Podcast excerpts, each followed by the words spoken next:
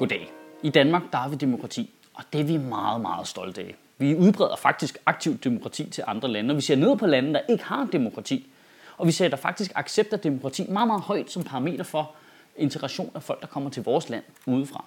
Derfor kan det også komme lidt bag på en den reaktion, det nye parti, Nationalpartiet fik, da de meldte deres ankomst i dansk politik. Og ikke på grund af deres kontroversielle holdninger, men alene af den grund, at de tre stiftere har pakistansk baggrund. Føj for satan, skal de stemme i vores land? Føj, jeg gentager føj.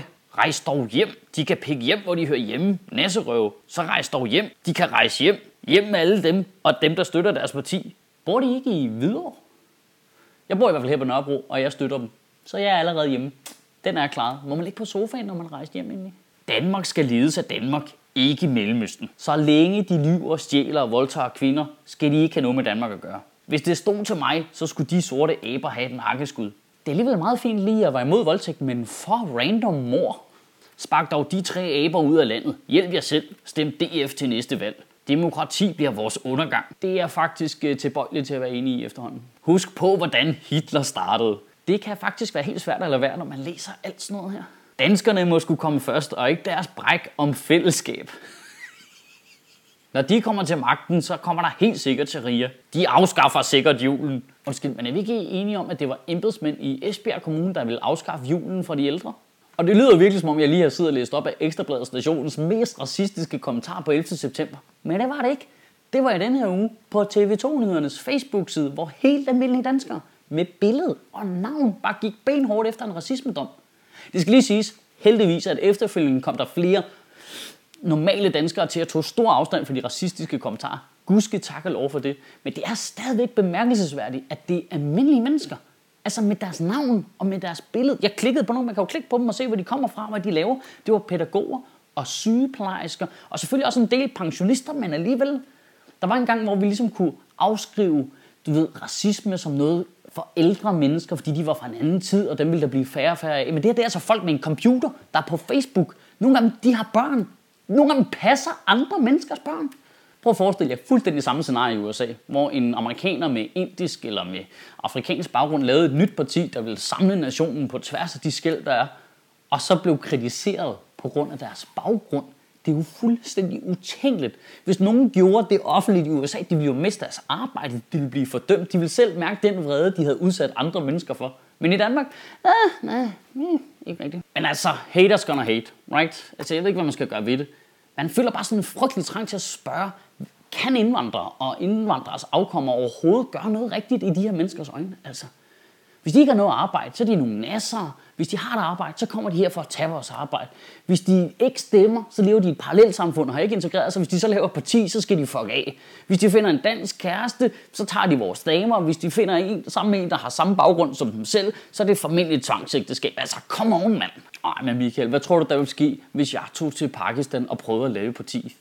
Først og fremmest, så tror jeg, du vil få diarré. Men derefter, så tror jeg selvfølgelig, at du vil få en masse problemer, fordi Pakistan er et helt andet land end Danmark.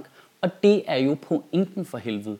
Vi skal jo være mere civiliserede end de lande, som folk de er flygtet fra. Det er hele pointen. Det hjælper jo ikke, at vi opfører os mere og mere og mere som de lande, vi kritiserer.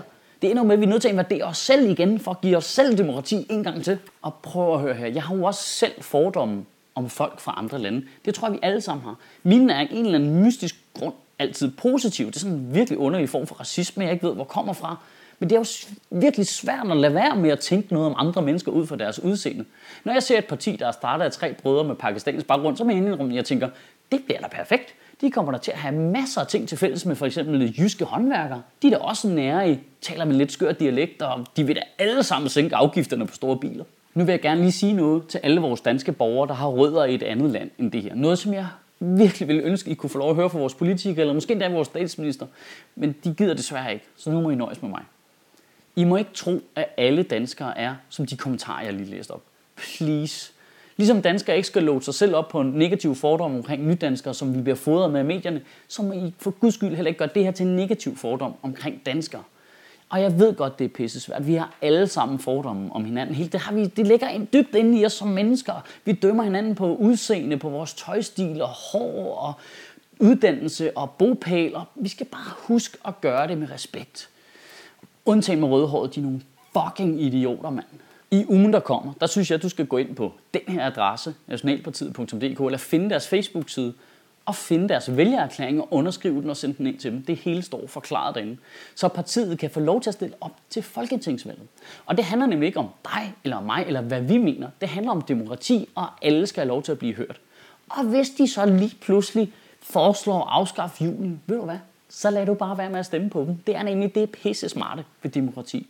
Og prøv at tænke på, at alle de fremmedangste, de har allerede et parti, eller fem partier. Nu kunne det være rart, hvis alle dem, der gik ind for fællesskab for alle slags danskere, også kunne få et parti, der ikke var enhedslisten, fordi ja, det er der ikke rigtig nogen, der kan tage seriøst.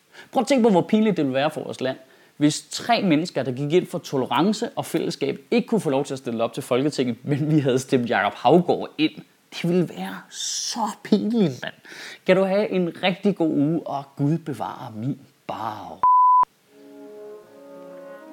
Det er egentlig vildt, at medierne bliver ved med at omtale de der tre brødre som pakistanere. Så det, det stod på TV2 at pakistanske brødre opretter parti. Det, det er de altså ikke. De, de er danskere. Man kan slet ikke oprette parti, hvis man ikke er dansker. Der var en gang, hvor du kunne stemme ud for nogle ting. I dag har du dybest set to valgmuligheder. Du kan stemme på dem, der fucker det hele op, eller dem, der ikke kan finde ud af at reparere det igen. Det er det. Det, det, det er jo så det problemet der jo.